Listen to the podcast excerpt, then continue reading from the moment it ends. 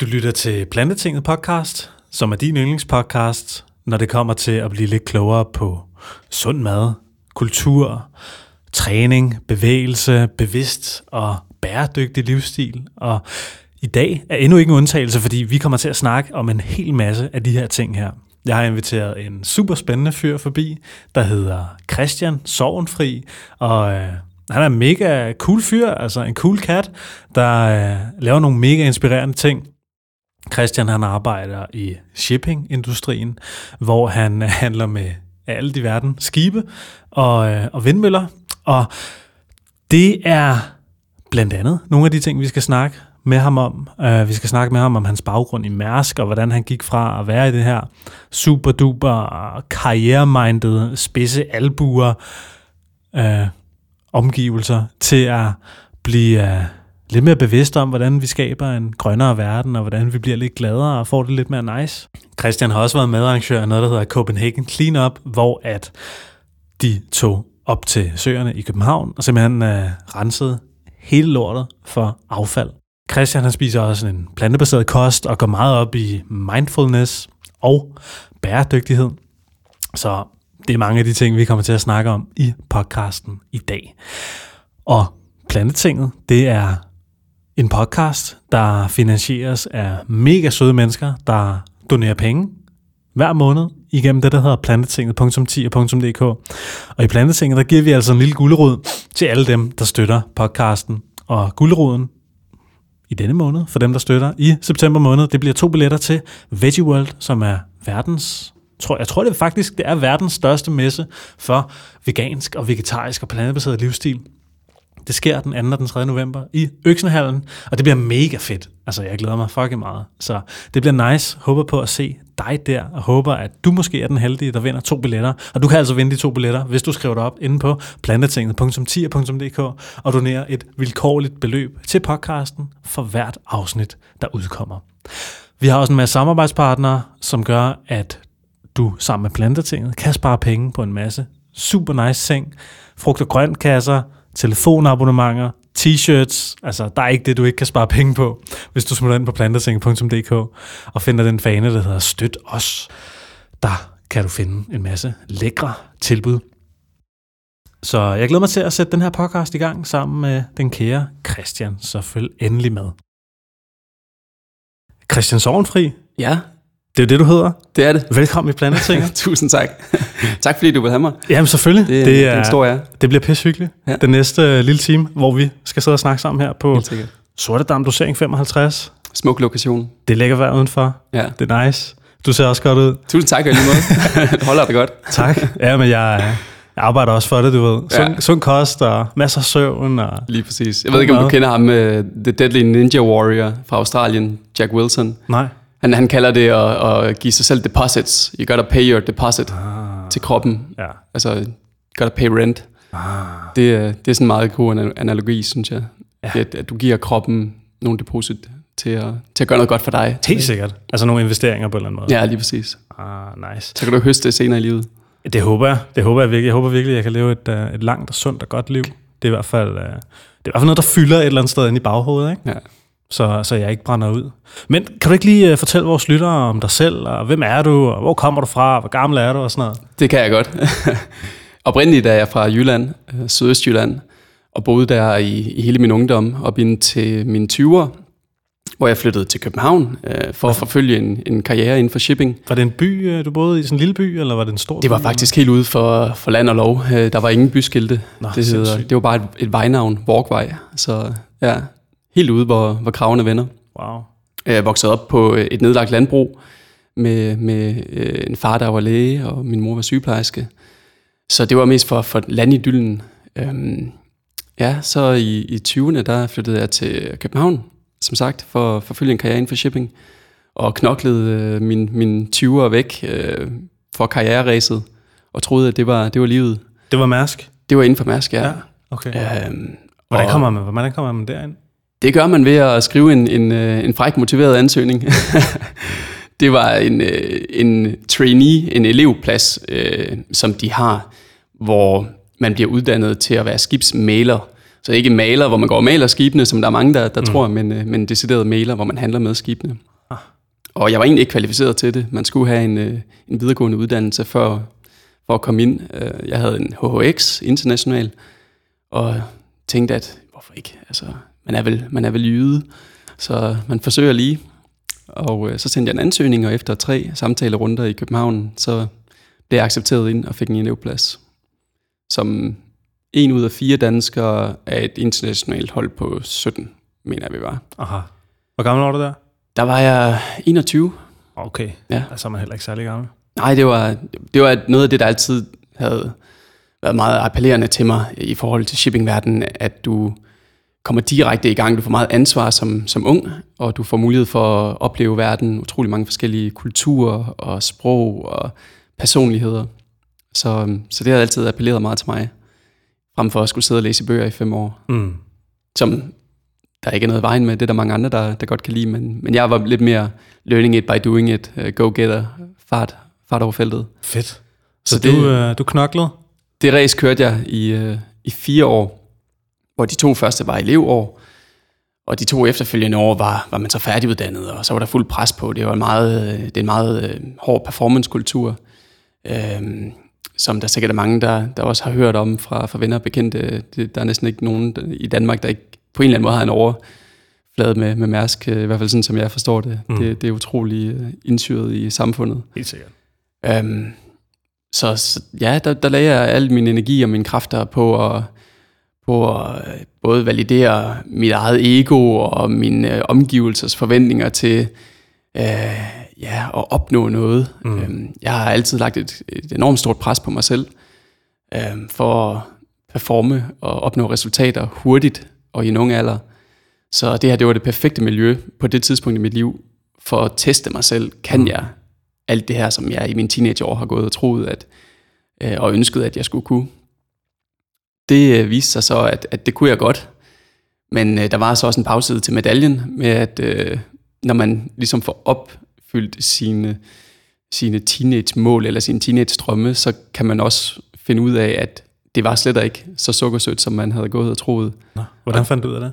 Jamen det, det gjorde jeg ved, at øh, min ungdom var meget øh, ego-drevet det var meget drevet af, af at opnå ja, mål og øh, sådan meget overfladiske ting som øh, anerkendelse, penge, øh, materialistiske goder. Øh, jeg var utrolig meget ja, sådan ekstern anerkendelse. Og det fik jeg, fordi at jeg, var, jeg var god til det, jeg lavede. Jeg solgte mange skibe, og jeg, og jeg tjente gode penge. Øh, men så samtidig kunne jeg se, at, at jeg havde mistet en utrolig stor del af min vennekreds i det her forløb, fordi jeg havde været så indsnævret på det her solorit inden for, inden for det miljø, at øh, jeg havde ikke rigtig nogen at dele succeserne med. Jeg følte, at, at jeg var utrolig efterladt og alene mm. med, med den her nye øh, økonomiske frihed og ja, arbejdsplads, øh, hvad skal man sige, bedrifter. Mm. Men det var ikke noget, som andre nødvendigvis kunne relatere til, øh, eller var interesseret i. Var der, altså, ikke sådan, var der ikke sådan en venskabelig sammenhold i Mærsk, eller hvordan? Nej, ikke, ikke, ikke rigtigt. Der var nogle enkelte, som man kunne med, men, men det er en virkelig hård øh, konkurrencekultur okay. øh, inden for det miljø, ja, okay. hvor, hvor man oftest er sig selv nærmest. Øh, og det er ikke for, at det skal lyde forkert, øh, eller, eller sådan dømmende, fordi det er bare sådan, det er inden for det miljø. Det, det, det, det kræver for at performe, fordi der er så mange, der gerne vil det, mm. og, og der er så mange ombudet mm. for at få lov til at lave de her skibshandler, mm. så man, man er nødt til at spidse albuer. Ja, okay. Men det fandt jeg så ud af, at, at det var måske ikke det, jeg skulle bruge mit liv på alligevel. Så, så måtte jeg træffe en uh, hård beslutning om at træde væk fra det hele. Okay. Uh, til stor forundring for, for min omgangskreds, uh, fordi det gør man jo ikke bare lige, når man, når man er på det rette spor inden for sådan en, en stor virksomhed. Det var fire år efter? Det var allerede fire år efter. Ja. Og jeg havde altid troet, at, at, øh, altså, at jeg havde lyserblåt øh, blod i årene, og, og jeg skulle øh, klatre stille og roligt op af, af stigen inden for den virksomhed. Ja. Øhm, men der måtte jeg ja, virkelig anerkende og, og lytte til mig selv, at, øh, at det, det var ikke det, og det ville være spild af yderligere år, hvis jeg var blevet. Altså det, det ville være noget, jeg bare ville komme til at kigge tilbage på og tænke, jeg skulle alligevel have gået tidligere. Mm. Men nu er jeg, ja, altså, det er lidt noget med, at man kan jo hurtigt komme til at sidde i en fælde, hvis man er bange for det ukendte. Hvad ligger der på den anden side mm. øh, af det, man befinder sig i? Og der har heldigvis altid været god til at, at være rimelig konsekvent og kynisk. Og det tror jeg også, det er også noget, der hører med til jobbet, men også min personlighed generelt. At træffe valg uden at tænke for meget på, hvad der ligger, ligger der på den anden side, men bare være åben over for det. Mm. Også selvom det kan virke som om, at, at det er en meget drastisk beslutning i nuet. Mm. Så hvad skete der så? Hvad, hvad, fanden, øh, hvad fanden lavede du så? Ja, men så... jeg blev faktisk inden for miljøet, og jeg tror, det var, det var sådan en stepping stone til at, at slippe det helt, eller sådan komme helt væk fra at være afhængig af at arbejde for nogle andre. Så jeg hoppede over til to tidligere kolleger, der havde startet deres egen lille virksomhed op, stadigvæk som skibsmalere, men et helt andet setup, hvor vi arbejdede for os selv og ikke for en masse chefer. Øhm, og der var ikke det samme konkurrencemiljø. Altså det var lidt mere øh, hyggeligt og sådan, ja, lidt bedre samvær. Og vi var jo bare tre unge gutter, som, som tog verden øh, på os og, og skulle se, om, om vi kunne gøre noget inden for, inden for den her øh, mastodont øh, industri, hvor, hvor man kæmper mod store virksomheder. Og det var også godt, der var jeg i to år øh, og havde nogle, nogle hyggelige år sammen med dem. Man kunne stadigvæk mærke, at det var ikke det rigtige. Altså jeg, jeg var nødt til at gå solo på et tidspunkt og mm. virkelig forfølge øh, ja, min inderste ønsker omkring, hvordan skal mit liv se ud.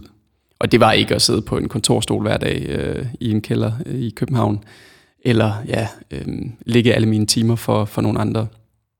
Så to år senere, der på det tidspunkt må jeg have været det er 28, ja, der, der trådte jeg væk, det var i 2017, mm. og startede min egen virksomhed, stadigvæk inden for det samme, stadigvæk skibsmaler, men 100% i mit eget setup.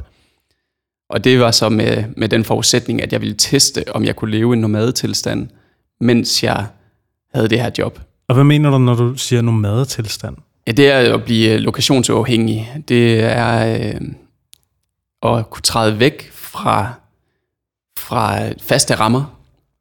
Øh, jeg har altid haft en drøm om at kunne rejse med årstiderne, hvis man kan sige det sådan.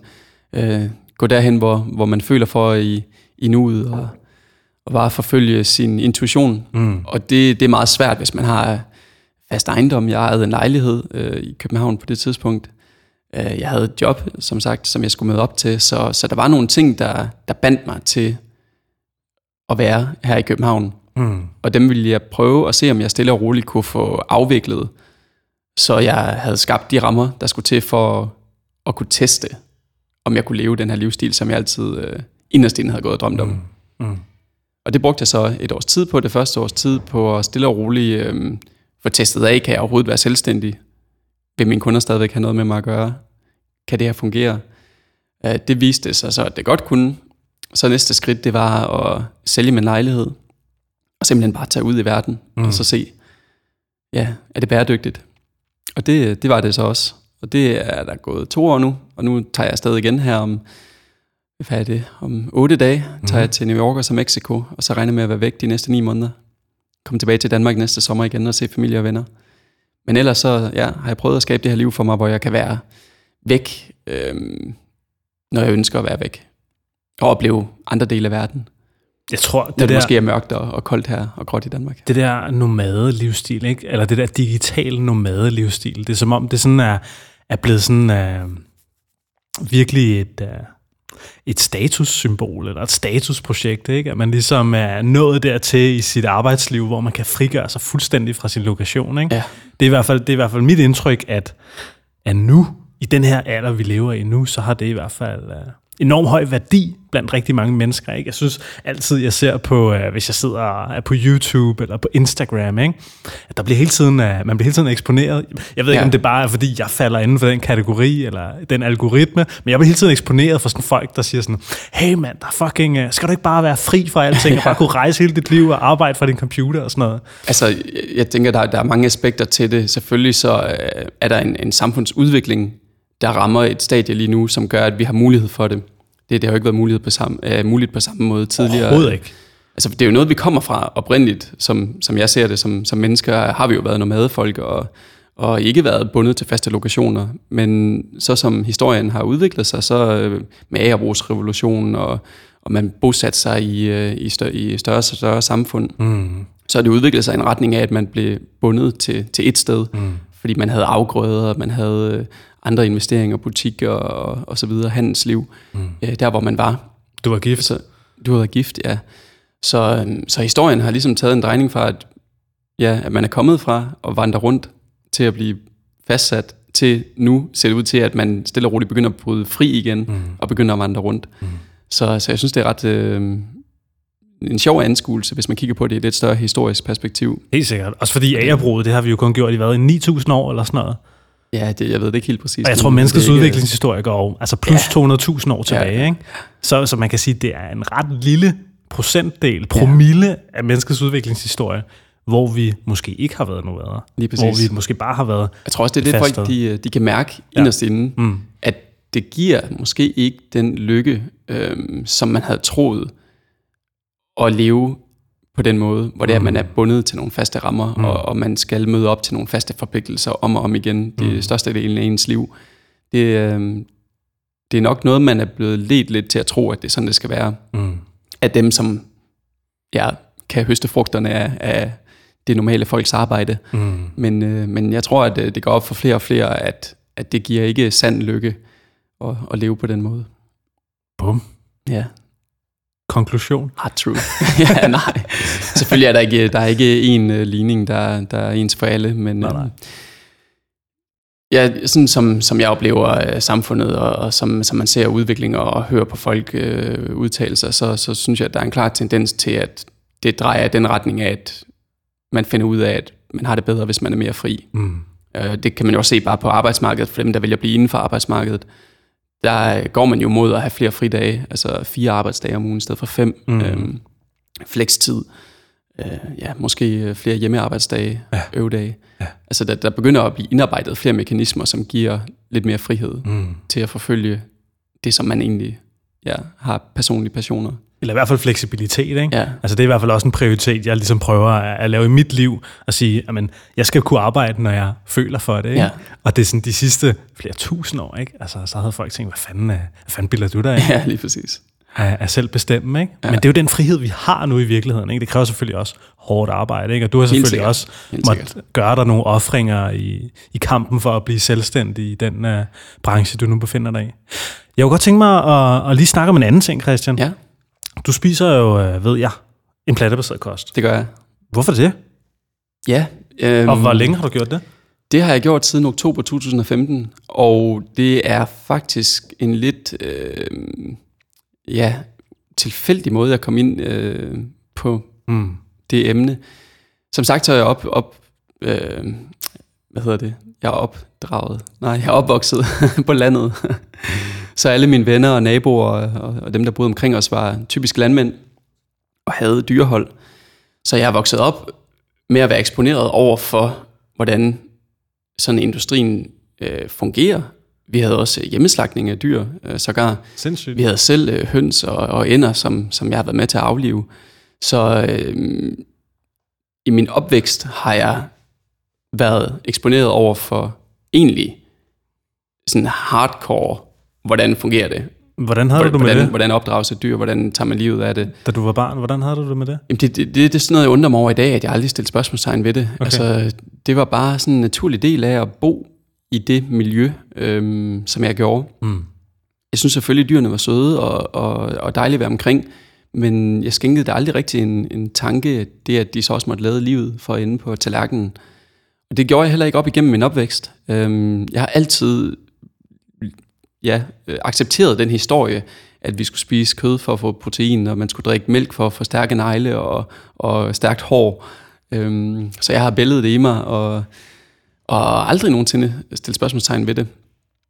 Ikke indtil faktisk, at jeg øh, sagde op ved Mærsk. Det var en del af hele den rejse, jeg tog på det tidspunkt, var at reevaluere alt, hvad jeg gjorde i mit liv. Mm. Så øh, da jeg sagde op, tog jeg tre måneder øh, overlov. Mm øh, eller fra øh, før jeg begyndte på det næste job, hvor jeg virkelig gav mig tid til at føle efter indeni, hvad er det, jeg skal bruge mit liv på fremadrettet? Hvem vil jeg være som person? Mm. Og hvilke handlinger ønsker jeg at, at udføre? Mm. Øhm, hvad lavede du i de tre måneder der? Der øh, tog jeg ud at rejse. Okay. Øh, først så nød jeg sommeren i, i København, det var hen over sommermånederne. Og så tog jeg tre uger til Sri Lanka og fem uger, nej undskyld, fire uger til Sri Lanka og fem uger til Thailand alene, mm. uden nogen planer, kun flybillet mm. øhm, og et surfophold i Sri Lanka. Fedt. Men ellers så tog jeg bare øh, hen, hvor de lokale sagde, at det var godt, og bare fulgte min intuition. Som del af den rejse var det også øh, at aktivt træffe valg omkring, hvad vil jeg gøre fremadrettet. Så alle ting, jeg gjorde per automatik og per op, opdragelse, øhm, tog jeg op til reevaluering. Øhm, og det var så også blandt andet kost. Mm. Hvor jeg tænkte, hvorfor spiser jeg det, som jeg gør? Er det noget, jeg aktivt selv har truffet et valg omkring, eller gør jeg det bare fordi, at det er det, jeg er blevet fortalt, at jeg skal gøre? Og så så jeg Cowspiracy på Netflix, øhm, for at få lidt viden omkring det, jeg putter i munden. Mm. Og den slog ret hårdt. Mm. Øh, især fordi, at jeg voksede op øh, på landet, og, og ligesom har, har været i det miljø, men aldrig nogensinde betvivlet det. Mm. Og da jeg så så Cowspiracy, så, så sad jeg lidt med en, øh, en dårlig smag i munden og tænkte, hvorfor har jeg aldrig nogensinde set det på den her måde, eller anskudt det på den her måde. Så den aften, samme, samme aften, begyndte jeg bare at, at grave ind i research, prøve at finde så meget, som jeg kunne overhovedet uh, online. Jeg skrev mig op til en 30-dages vegan challenge af en, der hedder Colleen Patrick Goodrow, hvor hun ville sende opskrifter og tips og hjælp og sådan. Øh. Og så tænkte jeg, okay, nu, nu giver jeg det et skud. Jeg aner ikke, om det her det bliver noget for mig, men altså, det er 30 dage. Hvad mm. kan der ske? Mm. Og øh, jeg skaffede mig af med alt, hvad jeg havde, der var animalsk i mit køkken. Og gik ned i Føtex og tænkte, hvor er frugtafdelingen? Hvor er frugt og grønt? altså, jeg plejede bare at handle ind i kølediskene. Og så åbnede der sig det her hele nye univers af fantastiske øh, råvarer, som, som jeg aldrig nogensinde havde konkurreret med før. Det skal så siges, at jeg elsker at være i et køkken, jeg elsker at lave mad. Så det har sikkert også gjort det nemmere for mig, i og med, at jeg så det som en udfordring, en kulinarisk udfordring, til at kunne øh, ja, lige pludselig udforske helt nye retter og mm. smage og sammensætninger. Øhm, så, så jeg nød det egentlig bare, og, og tog det en dag ad gangen, og kunne bare føle, på det tidspunkt dyrkede jeg triathlon, ligesom du også selv gør, øh, og kunne mærke, at, at jeg havde det utrolig godt i kroppen. Jeg følte på ingen måde, at jeg manglede noget. Jeg følte mig meget øh, mæt og let på samme tid. Der var ikke nogen øh, tung fornemmelse i kroppen. Øh, meget bedre kropslige funktioner også. Øh, og, og et energioverskud uden lige. Mm. Så tænkte jeg, at det, det var da alligevel vildt, det her. Det kan da være, at jeg skal prøve at fortsætte med det. Mm. Og så alle de dokumentarer, jeg kunne komme i nærheden af. Både de meget konfronterende, øh, som øh, Earthlings, og også mere vidensbaserede, som øh, Food Choices og mm. Forks Over Knives, og, og så videre. Så du fik lige uh, hjernevasket dig selv der? Jeg fik i hvert fald, jeg vil hellere sige det sådan, at jeg fik åbnet øjnene. Jeg fik okay. trukket gardinerne væk fra mine øjne. Okay. Hvor jeg mere føler, at jeg er blevet hjernevasket igennem hele min opvækst. Okay. Øh, til at se tingene på, på ja, normen, eller hvad kan man sige, samfundets acceptabel... Øh, nej, hvordan skal man kalde det? Ja, ja, ja. ja, ja. Forstår Sådan som samfundet mener, man, ja, skal, ja, ja. man skal se tingene. Mm. Så, så jeg følte bare, at, at det var ligesom en, en genfødsel inden mm. for øh, ernæring i hvert fald, og levevis og måde at se tingene på. Ja. Og det var nok også det, der startede sådan lidt min, min lidt mere dybere spirituelle rejse med at anskue verden på en, en anden måde, og stille flere spørgsmålstegn ved øh, den fortælling, som man får fortalt af medier, af virksomheder, af sine omgivelser. Og være lidt mere kritisk, og ja, lave sin egen research. Mm. Så det var sådan, jeg kom i gang med det, og har nydt det øh, utrolig meget lige siden. Og det kommer op på ja, fire år nu her til oktober. Og ja, har det fantastisk med Fedt. det.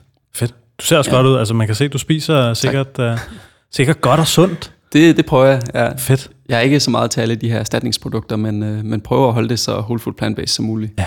inden for rammerne. Øh. Ja. Jeg ved, Christian, at på... Øh, jeg kan ikke huske, hvornår fanden det var, men jeg kan i hvert fald huske, du har... Nu sidder vi jo ved søerne. Ja. Og du har været i gangsætter eller initiativtager til at lave noget, øh, noget oprydning. Ja. Noget, noget clean-up. det, det Hvad er det for noget? Det var sidste år. Øhm, det, det er lidt igen med den måde, jeg har prøvet at omstrukturere mit liv på. Og prøve at have en lidt mere positiv øh, både tilgang til, til mit eget liv, men også på, hvilket eftertryk efterlader jeg øh, i mine omgivelser. Både mine nære omgivelser, men også de fjerne omgivelser. Øhm, så sidste år, da jeg vidste, at jeg ville tage ud og rejse med, med min daværende kæreste øh, over en længere periode, øh, kunne jeg se, at eller jeg havde sådan en fornemmelse inde i, at jeg havde lyst til at efterlade et aftryk i København, den by, som jeg har boet i otte år, mm. og har jo nyt utrolig meget. at jeg ville gerne gøre noget godt, øh, give noget tilbage til, til byen og, og naturen her. Så en dag, øh, jeg tror det var halvanden eller to uger inden, at, at jeg tog afsted, øh, vi tog ud at rejse, gik jeg rundt om søerne og, og kunne bare se, at der var en masse skrald. Der lå simpelthen så meget øh, skrald, og sidste sommer var en utrolig varm måned, mm. eller en utrolig varm sommer, så øh, vandstanden i søerne var meget lav. Og det eksponerede bare endnu mere alt det, som lå øh, dybere ned på bunden mm. af trafikkejler og cykler og jeg ved ikke hvad af plastik og dåser. Og tænkte jeg, gik hjem, snakkede med, med min daværende kæreste om det og, og foreslog, om vi ikke skulle lave et clean-up. Altså, skal vi, ikke, skal vi ikke prøve at se, om vi kan stable lidt andet på benene? Og jokede lidt med, at det bliver nok bare os, der går rundt i et par vaders i to timer og samler ind. Men tænkte, ja, hvad kan der, hvad kan der ske? Altså, det, vi er det heldige, hvis der dukker 10-12 mennesker op, som vil hjælpe os af vores venner. Så jeg lavede et event på Facebook, lavede en gruppe, der hed Copenhagen Cleanup, bare for at der var et navn bag det, som mm. folk kunne relatere til. Og lavede et event, begyndte at dele det, prøvede at tagge øh, TV2-nyheder, øh, DR, P3 og sådan noget i det. Og på tre dage var der, jeg mener, det var lidt over 300.000 mennesker, der havde set det, og over 3.000 mennesker, der havde meldt sig interesseret, og vi blev dækket i øh, radio og i tv-medier, og det var helt sindssygt. Hold kæft, mand. Så, øhm, så lige pludselig, det skal siges, vi fik idéen mandag aften, snakkede om det, satte det op, og det skulle så holdes tre dage efter, om torsdagen. så vi havde kun tirsdag og onsdag, og så torsdag var i ventet. Nej, hvor sindssygt. Og der skulle så lige pludselig tages fat. Jeg tog fat i uh, byer, hvad hedder det, byer? Havn? Byer Havn? Ja, eller det, det er i hvert fald Københavns Kommune har noget, der hedder Ren København, okay. eller Ren By København, ja. som er inden for den miljøtekniske forvaltning, øh, for at høre, om, om de vil hjælpe med det her. Fordi mm. det var lige pludselig stukket totalt af, og om de havde nogle ting, vi kunne bruge, øh, gripper og handsker og poser, om de jo ville komme og hente det skrald, som vi har samlet sammen også. Det ville de heldigvis gerne. De ville gerne spille med. Så de stillede en del til rådighed, og der var også en del virksomheder, der lige pludselig kunne se en mulighed øh, for at få noget eksponering, hvis de, øh, hvis de hjalp os. Så det var der også nogen, der, der tilbød, øh, nogen der hed Happy Helper, mener jeg, som stillede op med gripper og kaffe, øh, wow. barista, scooter, hvad hedder det, de der, ligesom food trucks, der vil lave kaffe. Shit, mand. Ja, og så der dukkede lidt over 300 mennesker op, Hold og så, kæft. så rensede vi søerne i to timer en torsdag eftermiddag, og fik samlet sindssygt meget øh, skrald sammen. Det var wow. helt vildt. Altså, det var sådan to kæmpe dynger. En bare med skraldeposer, og en med ting, der blev fisket op fra øh, søerne, der hvor kaffesalongen har svanerne, de der cykel, ja, ja, ja. vandcykler, ja. som de stillede øh, tre til rådighed, som vi måtte bruge. Fedt. Og så paddlede folk rundt i dem. og det var helt vildt, hvad der blev hævet op. Der blev også fundet faktisk 20 øh, koster. Øh, sådan en taske, der var fyldt med smykker fra øh, wow. Nationalmuseet, mener jeg. Nej, ja. Ej, hvor sindssygt. Øh, ja og punge, øh, som blev fundet med kørekort og ID, og wow. som politiet så fik lov til at ja, overtage. Wow, hvor Så det var, det var en fantastisk smuk eftermiddag. Også hvor man kunne se, hvor en lille handling, som, som ja, vi tænkte jo bare, at det bare ville være os selv, der skulle gå rundt. Altså hvis man lægger øh, muligheden ud for andre, for at gøre noget godt, hvis man skaber rammerne, eller muligheden for, at, at andre de kan komme med og gøre noget godt, så, så skal folk også nok gøre det. Det er bare med at tage initiativet. Mm. Øh, fordi det er da også helt vildt, altså på tre dage, I ja, sidder det, og får idéen mandag aften, ikke? Ja, og så torsdag morgen, så står der altså alle de store veletablerede medier, ja. 300 mennesker. Ja, det var helt vildt. En masse virksomheder. Det var virkelig smukt. Det er jo, altså, gået, det var... altså, det er jo gået ultra stærkt. Ja. Men det er jo det, vi kan i dag med medierne, ikke? Det med det. vores sociale medier. Det det. Man kan hurtigt komme bredt ud. Ja, det er jo og, sindssygt. Og, og bare feedbacken fra folk med, hvor de fortæller, at at de er så glade for, at der er nogen, der tog initiativet, fordi de går jo selv rundt om søerne, eller bor, eller bruger det til at løbe omkring, ja. men har ikke lige overskud til at, til at gøre noget mere ved det. Øh, og det er tit det der, det, der skal til. Det er bare en person, som lige har overskud af energien til at sætte det op. Ja. Så skal andre nok øh, støde til. Ja. Og det, det synes jeg er ret smukt. Wow, man. Det er fandme, ja. det er fandme sej, Christian, at dig og din øh, ekskæreste gjorde det. Det er fandme, det er fandme badass. Virkelig, ja, virkelig altså, inspirerende. Ja, alle de mennesker, der mødte op også. Altså, det var altså, fantastisk opbakning. Ja, virkelig, virkelig inspirerende. Ja. Fedt. Wow. Er det noget, jeg har gjort igen? Nej, desværre. Desværre, okay. så tog vi ud og rejse ind i måneder, og, ja. og jeg fik skabt nogle... Altså, jeg fandt hurtigt ud af, at der er mange øh, ildsjæle, der allerede gør en masse for at rydde op i København. De har bare ikke været lige så heldige med at få den, den eksponering, som vi fik på så mm. kort tid. Jeg ved ikke, hvad der gjorde det, men, men der er nogen, der virkelig øh, hver eneste dag, altså som bor her i København, som knokler røven ud af bukserne for, for at gøre noget for at holde byen ren. Og, øh, og dem har jeg så prøvet at, at ja, øh, få, få en god dialog med, og, og prøvet også at promovere dem gennem øh, det her Copenhagen Cleanup. Men det er desværre blevet lukket ned nu, fordi øh, jeg er ikke her i København øh, mm. fast længere. Mm. Øh, jeg prøvede at give det videre til nogle andre, men, men der var ikke nogen, der lige havde mulighed for det. Nej, okay. Så, men heldigvis så, så er jeg betryggelig ved at, at, at vide, at der er andre, der, der gør rigtig meget. Sindssygt. Det er sådan lidt mere områdespecifikt. Nogen på Amager, nogen øh, på Nørrebro. Og, ja. Men der bliver gjort noget stadigvæk. Wow. Det er dejligt at vide. Det synes jeg, det synes jeg er helt vildt. jeg håber bare, at det har plantet nogle frø i hvert fald i, i folks hoveder. Ja. Det med, at man er lidt mere, man tænker lidt mere omkring øh, den påvirkning, man har på sit øh, nærmiljø.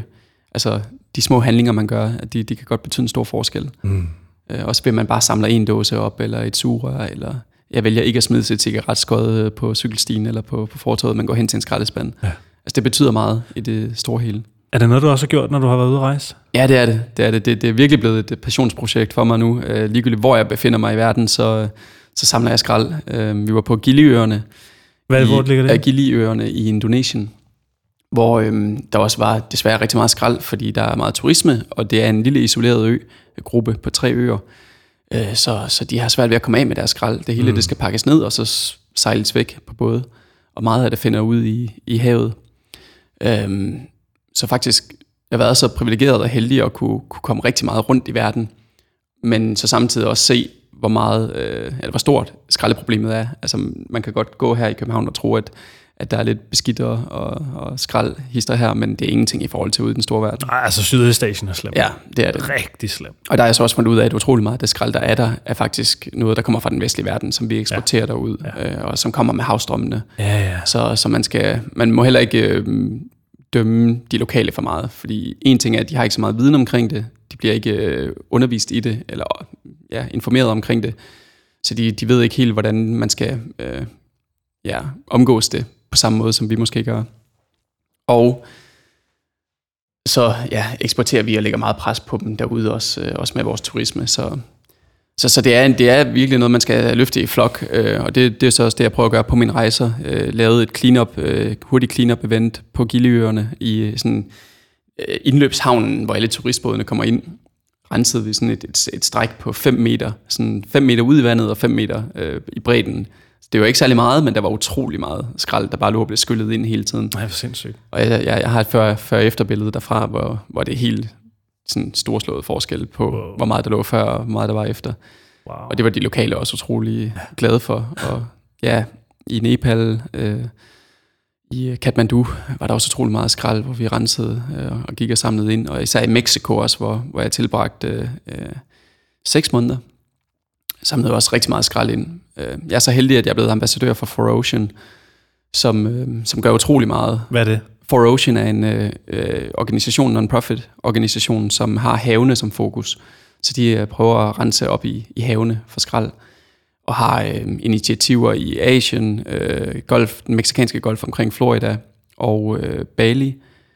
Øhm, jeg mener også, de har i Sydamerika. Men de, de, er sådan, de har sådan nogle hotspots rundt omkring i verden, som de fonder gennem at sælge øh, nogle, nogle små armbånd som er lavet af mm. det plastik, som de samler ind. Mm. Så ved at købe sådan en armbånd, så støtter man så deres initiativer.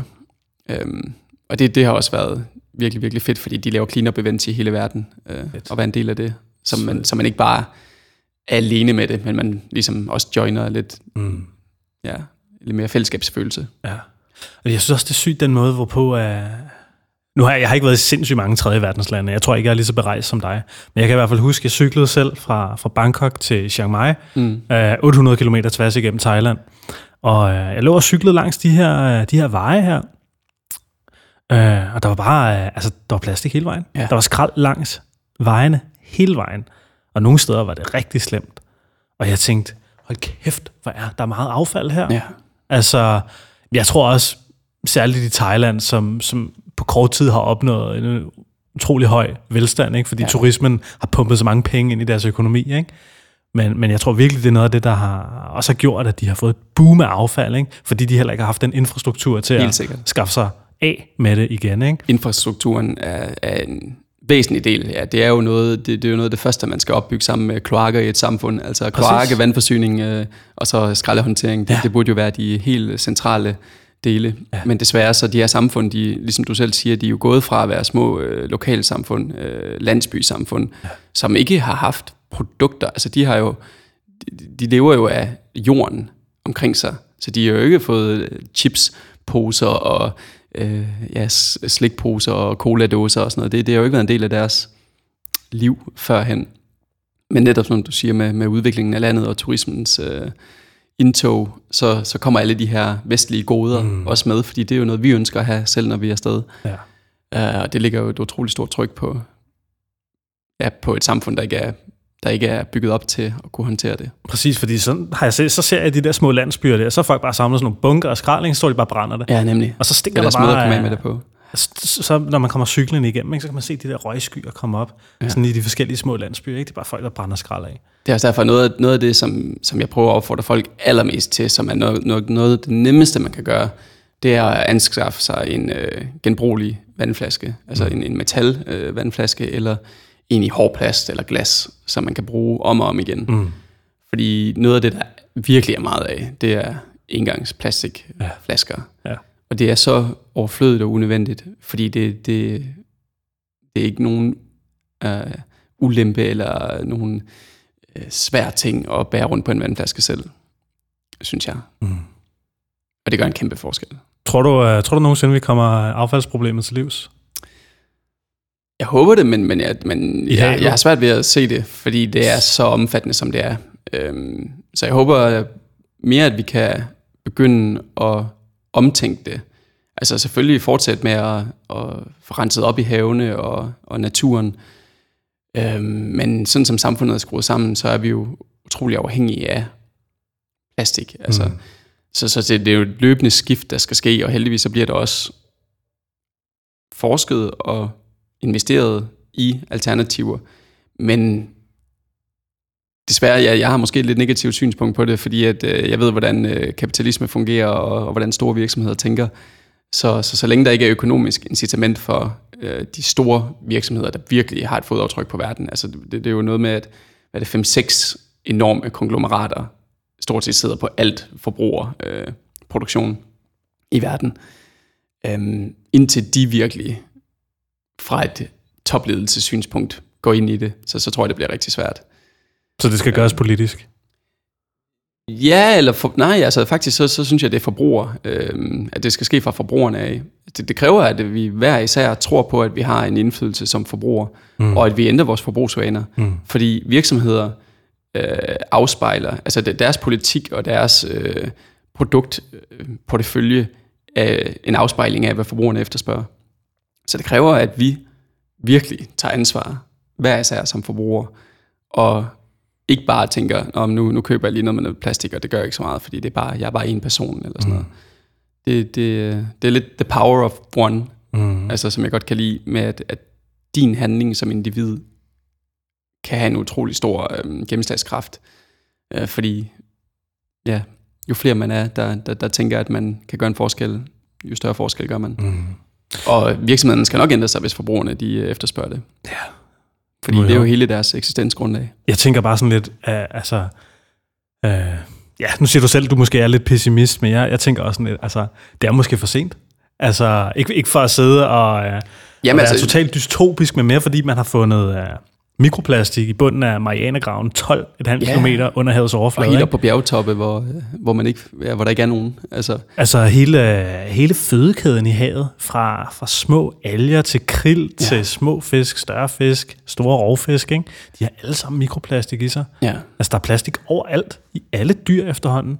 Også den, øh, den, også største, den største sønder i verdenshavene, det er, det er jo efterladte fiskenet. Endda. Ja. Så, så det er ikke engang, altså, man ved ikke endnu, hvordan mikroplast påvirker os Nej. helbredsmæssigt. Om vi kan leve med det, eller om der kommer til at være nogle konsekvenser længere ned ad vejen. Men ja, så, så, så jeg ser det lidt ligesom dig med, at vi skal lære at, at finde en måde at leve med det på, ja. og, og reducere det, og forhåbentlig stoppe det. Ja. Men det ændrer ikke på den skade, der allerede er sket. Mm. Og den må vi jo så se, hvordan vi kommer til at håndtere som, som menneskerace. Det, det bliver spændende. Ja, det, det bliver sgu spændende. Ja. det er sindssygt. Det er fandme sindssygt. Jeg synes virkelig, det, det er en, vi, vi lever i en tid lige nu, hvor der sker nogle ret skældsættende ting. Ja, det altså, der, der er nogle store emner, som... Altså, jeg ved godt, tidligere, der, vores forældres generationer og førhen, der har været meget krig og øhm, måske sådan atomtrusler, jeg ved ikke hvad, men, men det har været lidt mere håndgribeligt. Det er en synlig fjende, øh, fordi det er krigsførsel og våben og politik. Det her, det er jo mere vores, det er jo vores daglige levevis, Mm. der er blevet vores fjende. Mm. Så, så vores daglige handlinger og den måde, vi, vi lever på, Vandet, vi der stille og roligt slår os ihjel. vandet, vi drikker, maden, vi spiser, luften, vi trækker vejret i. ja, det, det er lidt, øh, lidt specielt, hvis man øh, kigger på det på den måde. Nå, men øh, det, det, bliver, det går hen og bliver meget dystert. Det, Ja, ja, Christian, jeg tænkte på, fordi øh, det synes jeg er rigtig inspirerende og rigtig spændende, og det kunne jeg faktisk godt tænke mig at snakke noget mere med dig om. Mm. Hvordan at, øh, fordi det tror jeg måske, at nogle af lytterne her kunne være ret interesserede i at vide, eller i hvert fald arbejde sig hen imod. Har du nogle gode råd i forhold til, hvordan man arbejder sig hen imod et liv, hvor man kan, kan frigøre sig selv fra, fra det sted, man arbejder? Ja. Altså nu, nu er du blevet det, man øh, kalder digital nomade, ikke? og ja. du kan sidde hvor end i verden og arbejde fra din computer Ja, med shipping. ja. Ja, og, det, jeg håber, at det ikke er det, jeg skal lave resten af livet. Det, Okay. okay. det, det er det, jeg stadigvæk føler for lige nu, men, men jeg har ligesom dig et utroligt stærkt iværksættergen, og, og har konstant idéer, der mm. dukker op. Altså, min familie, de, de griner af mig hver eneste gang, jeg siger et eller andet. Åh, oh, kunne man ikke, og hvad med det her og det her, og kunne det ikke være en god idé? Og, ja, så jeg glæder mig til den dag, hvor jeg faktisk begynder at føre nogle af alle de skøre tanker ud i livet. Men, øh, men det kommer helt sikkert, når det føles naturligt. Ja, klart.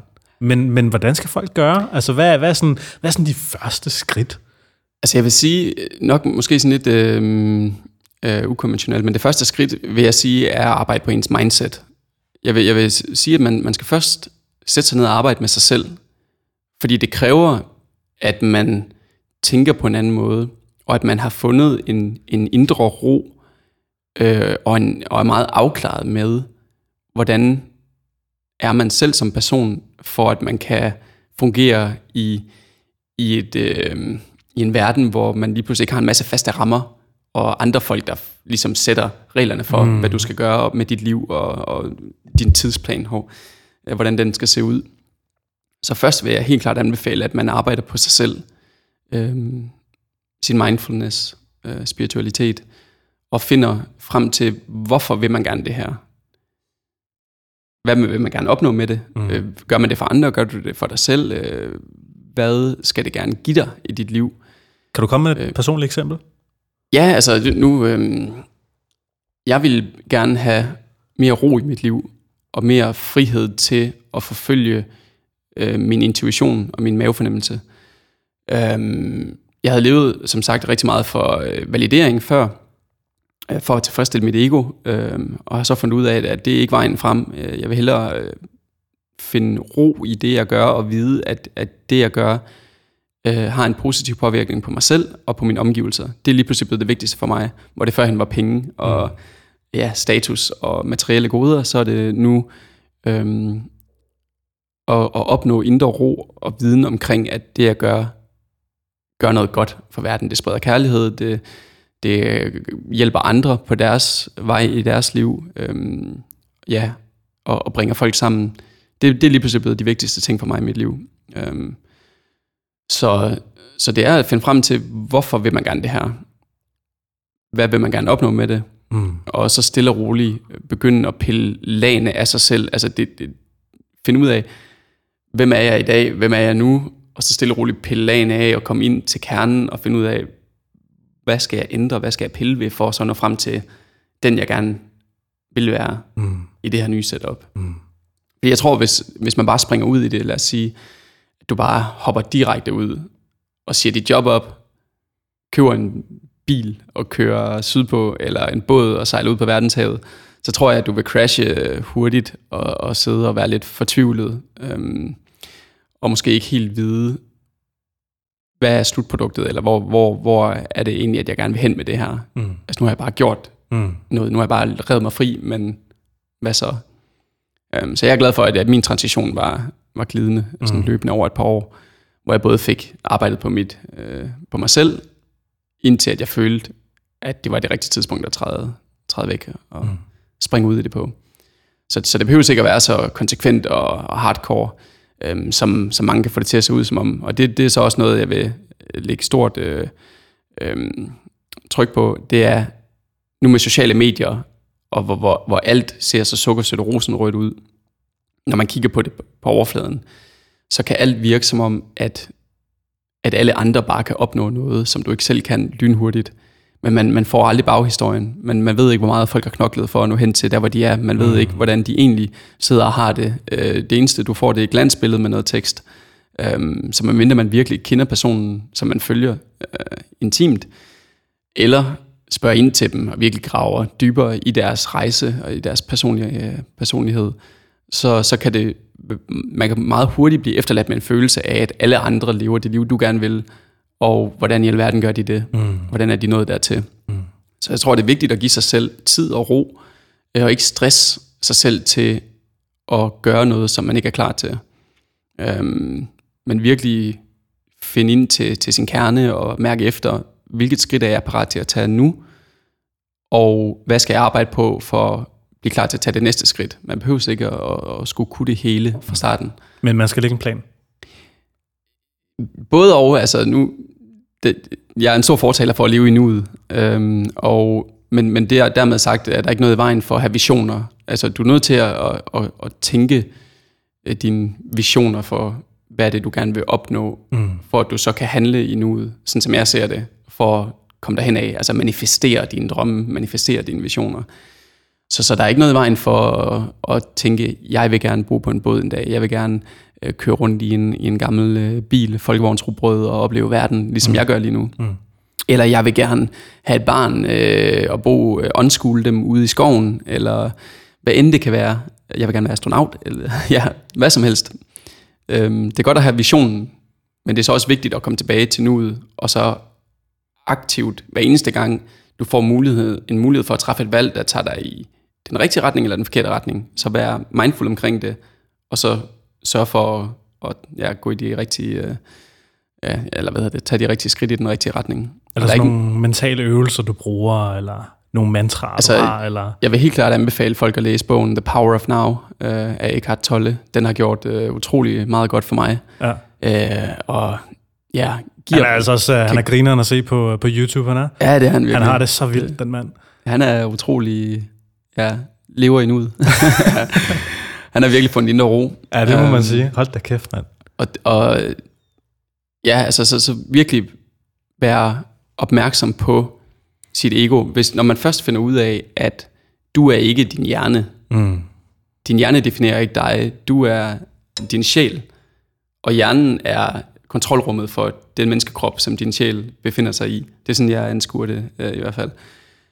Så snart du øh, har den opfattelse, og så kan du begynde at lægge mærke til, når, når egoet og hjernen prøver at træffe valg på din vegne, eller prøver at trække dig i en retning, som er mere sikker. Fordi dens primære opgave er at holde dig i sikkerhed, uden for fare, og, og ikke noget risiko. Så den prøver at skabe trygge rammer omkring dig, hvor du helst ikke skal sætte for meget på spil.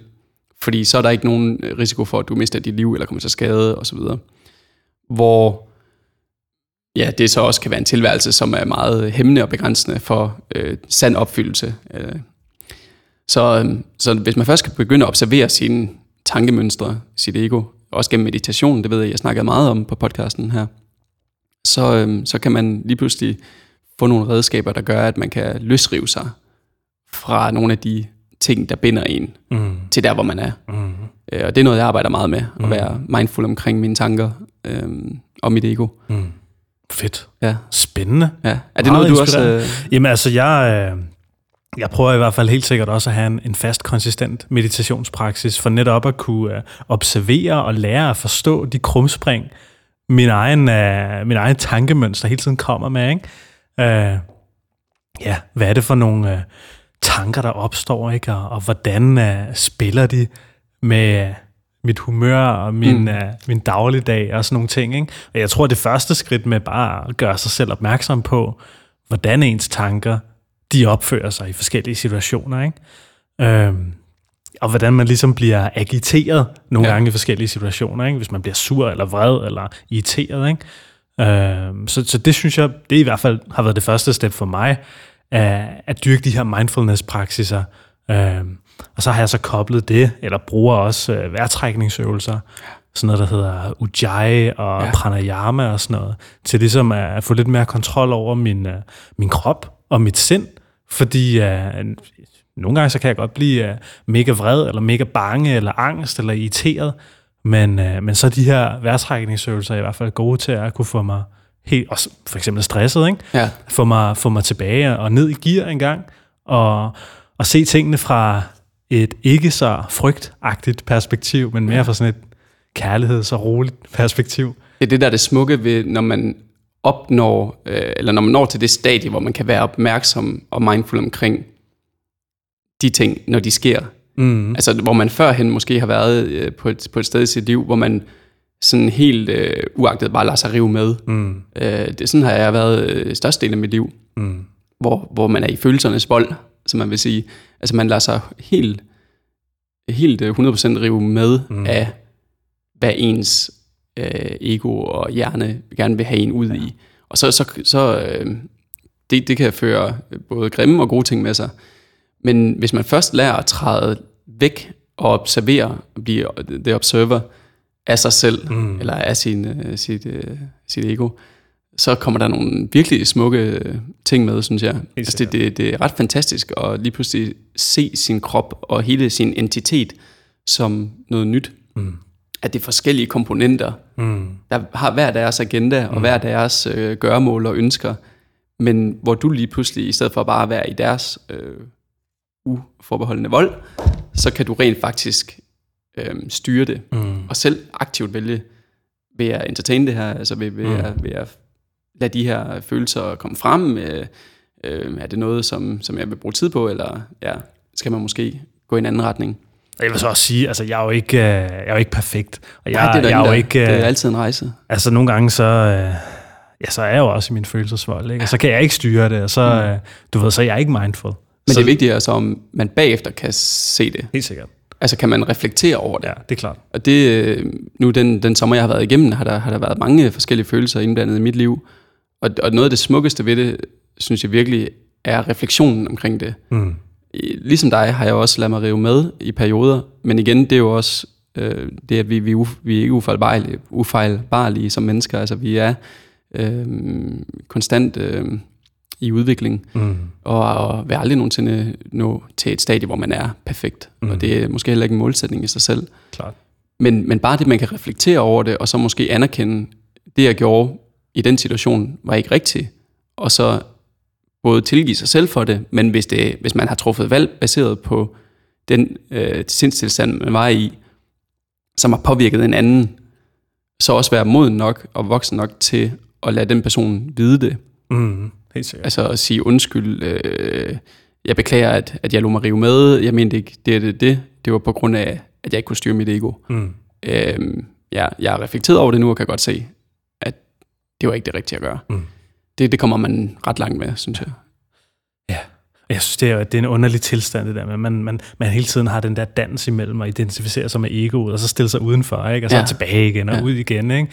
Og det synes jeg skulle er, ja, det er, det er i hvert fald sådan, mit liv er lige nu, tror jeg. Ja. Og det er i hvert fald den oplevelse, jeg har lige nu. Det kan godt være, at jeg skal have en endnu, endnu fastere uh, mindfulness-praksis, ja. som kan, kan hjælpe mig med at komme lidt mere ud, i stedet for, for ind i egoet. Men det er jo... Uh, det er jo en stor redskabskasse, som man stille og roligt får, får fyldt nye ting i, ja. altså som hjælper en med at blive bedre til det. Ja.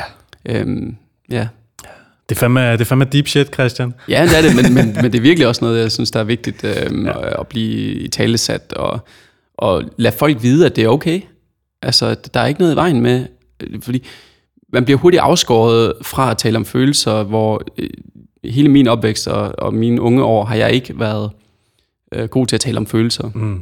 Jeg har været øh, rigtig god til at vise udad til, at jeg havde det rigtig godt, og jeg havde styr på det hele, og jeg havde en utrolig stor øh, ydre selvsikkerhed og aura omkring mig, som gjorde, at jeg aldrig fik taget fat i mine indre problemer, og folk spurgte heller ikke ind til det, fordi det, det virkede ikke til, at der var noget i vejen. Og det, det, hele det crashede så øh, lidt der i 2015, hvor jeg virkelig kunne begynde at, at tage fat i tingene, og har arbejdet på det lige siden. Mm. Og det er virkelig noget, jeg vil opfordre alle, der lytter med til, det er ikke at være bange for at tage fat i sine øh, problemer og nogle af de ting, man har undertrykt, og tale med sine nærmeste omkring det. Mm. Fordi det er noget, der kommer til at forfølge en resten af livet, hvis man ikke tager fat på det nu og her. Mm.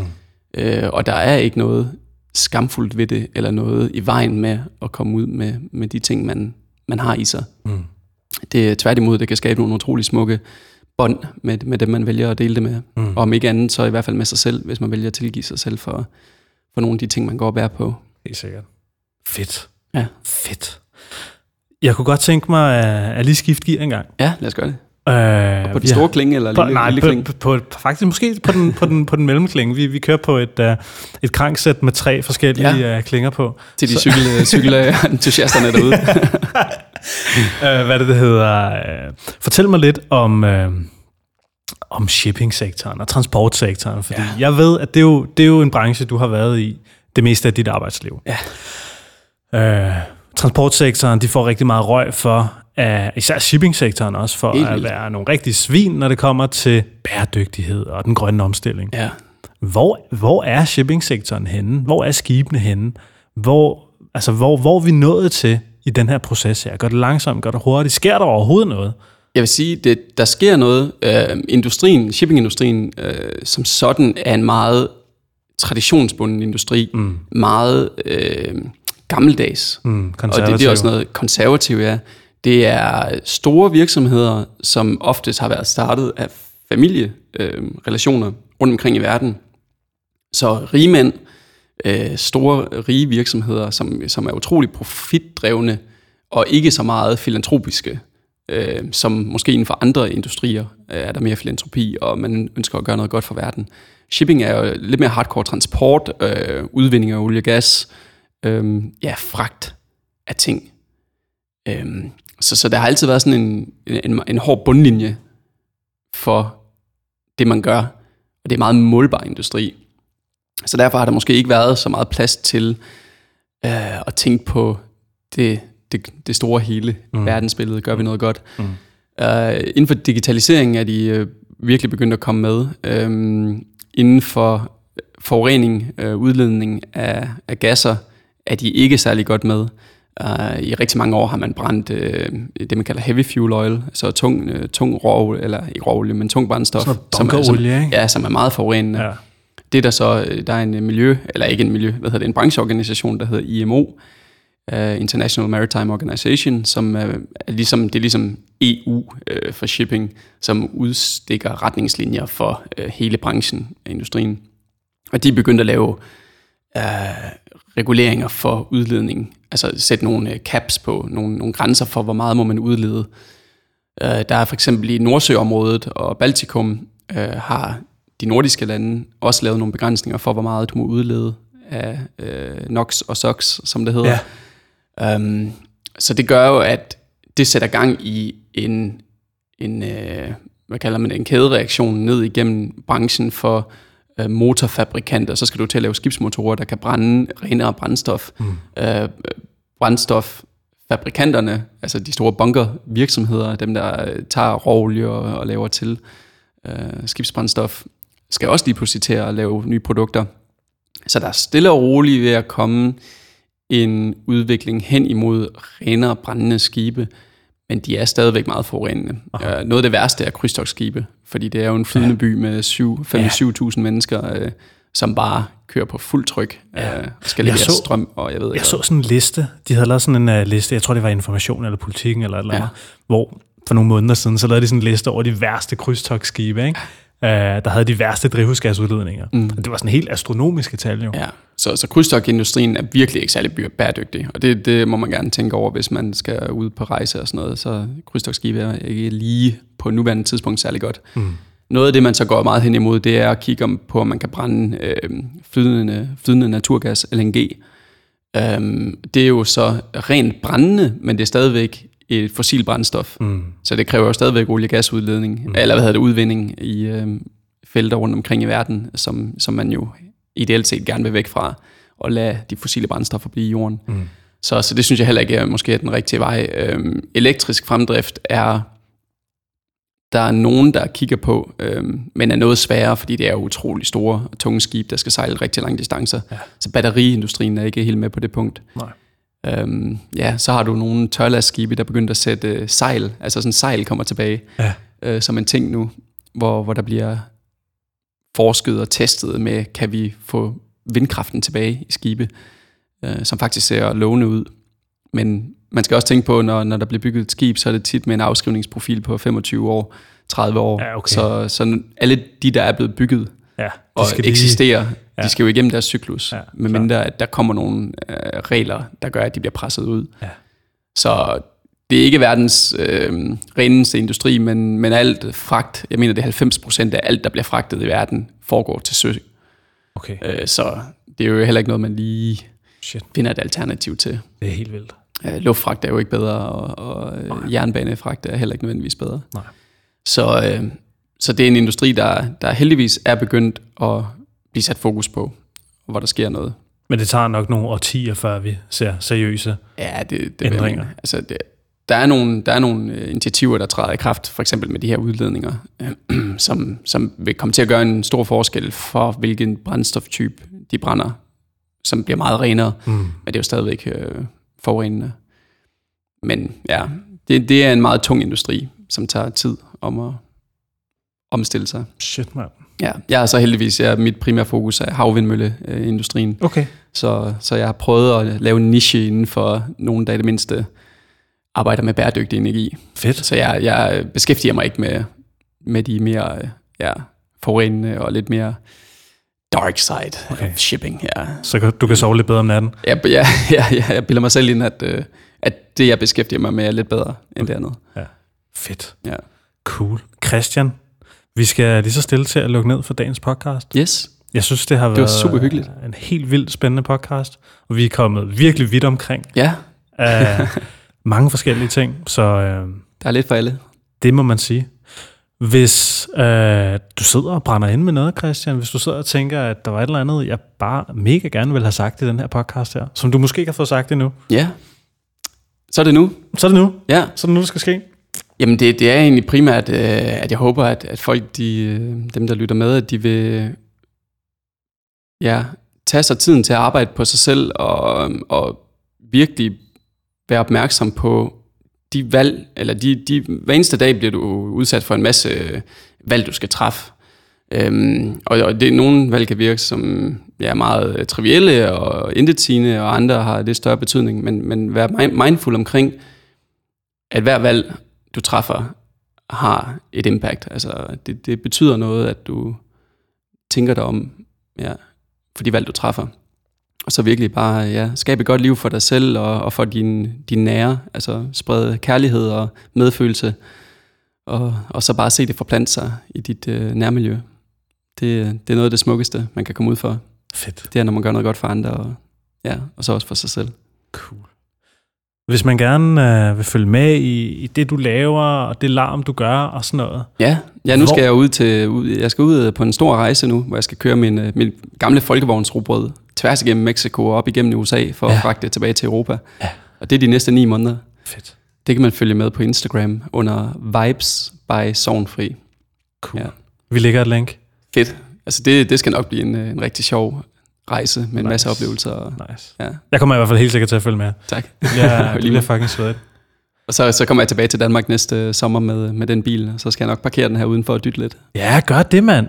Det gør, gør det. Så kan det være, at vi skal tage en snak mere og lige uh, snakke om, hvad fanden uh, der er sket siden sidst. Det lyder godt. Ja. Jeg Christian, er klar på det. Christian Sovnfri, mand. Tak Ja. fordi du vil være med i Plantetinget. Tak Kasper. Tak, tak fordi du har det. Selvfølgelig, mand. Det er smukt. Det, jamen, det er fandme, det er fandme lækkert. Uh, og du lytter altså til Plantetinget, din yndlingspodcast, om at leve lidt mere grønt og bevidst og spise lidt bedre. Og jeg håber, du kunne lide det. Jeg håber, du har lyst til at give den her lille podcast en anmeldelse på iTunes. Lige skriv en lille anmeldelse. Det vil altså betyde, at der er endnu flere mennesker, der lytter til den her podcast her. Hvis du går ind, giver dig nogle stjerner på iTunes, skriver en fed anmeldelse, del det med dine venner på Instagram, tag et screenshot og sag, hey, jeg lyttede til en sindssyg spændende podcast med, med Christian, og øh, måske del det på Facebook, øh, du har måske nogle venner, som du tænker kunne være interessante. Det er igen de små handlinger, de forplanter sig. Det er det nemlig, så, så fortæl folk om det her. Og øh, udover det, så øh, tror jeg bare, jeg vil sige pænt tak for i dag. Jeg håber, du får en fantastisk dejlig dag. Kan du have det godt? hej hej.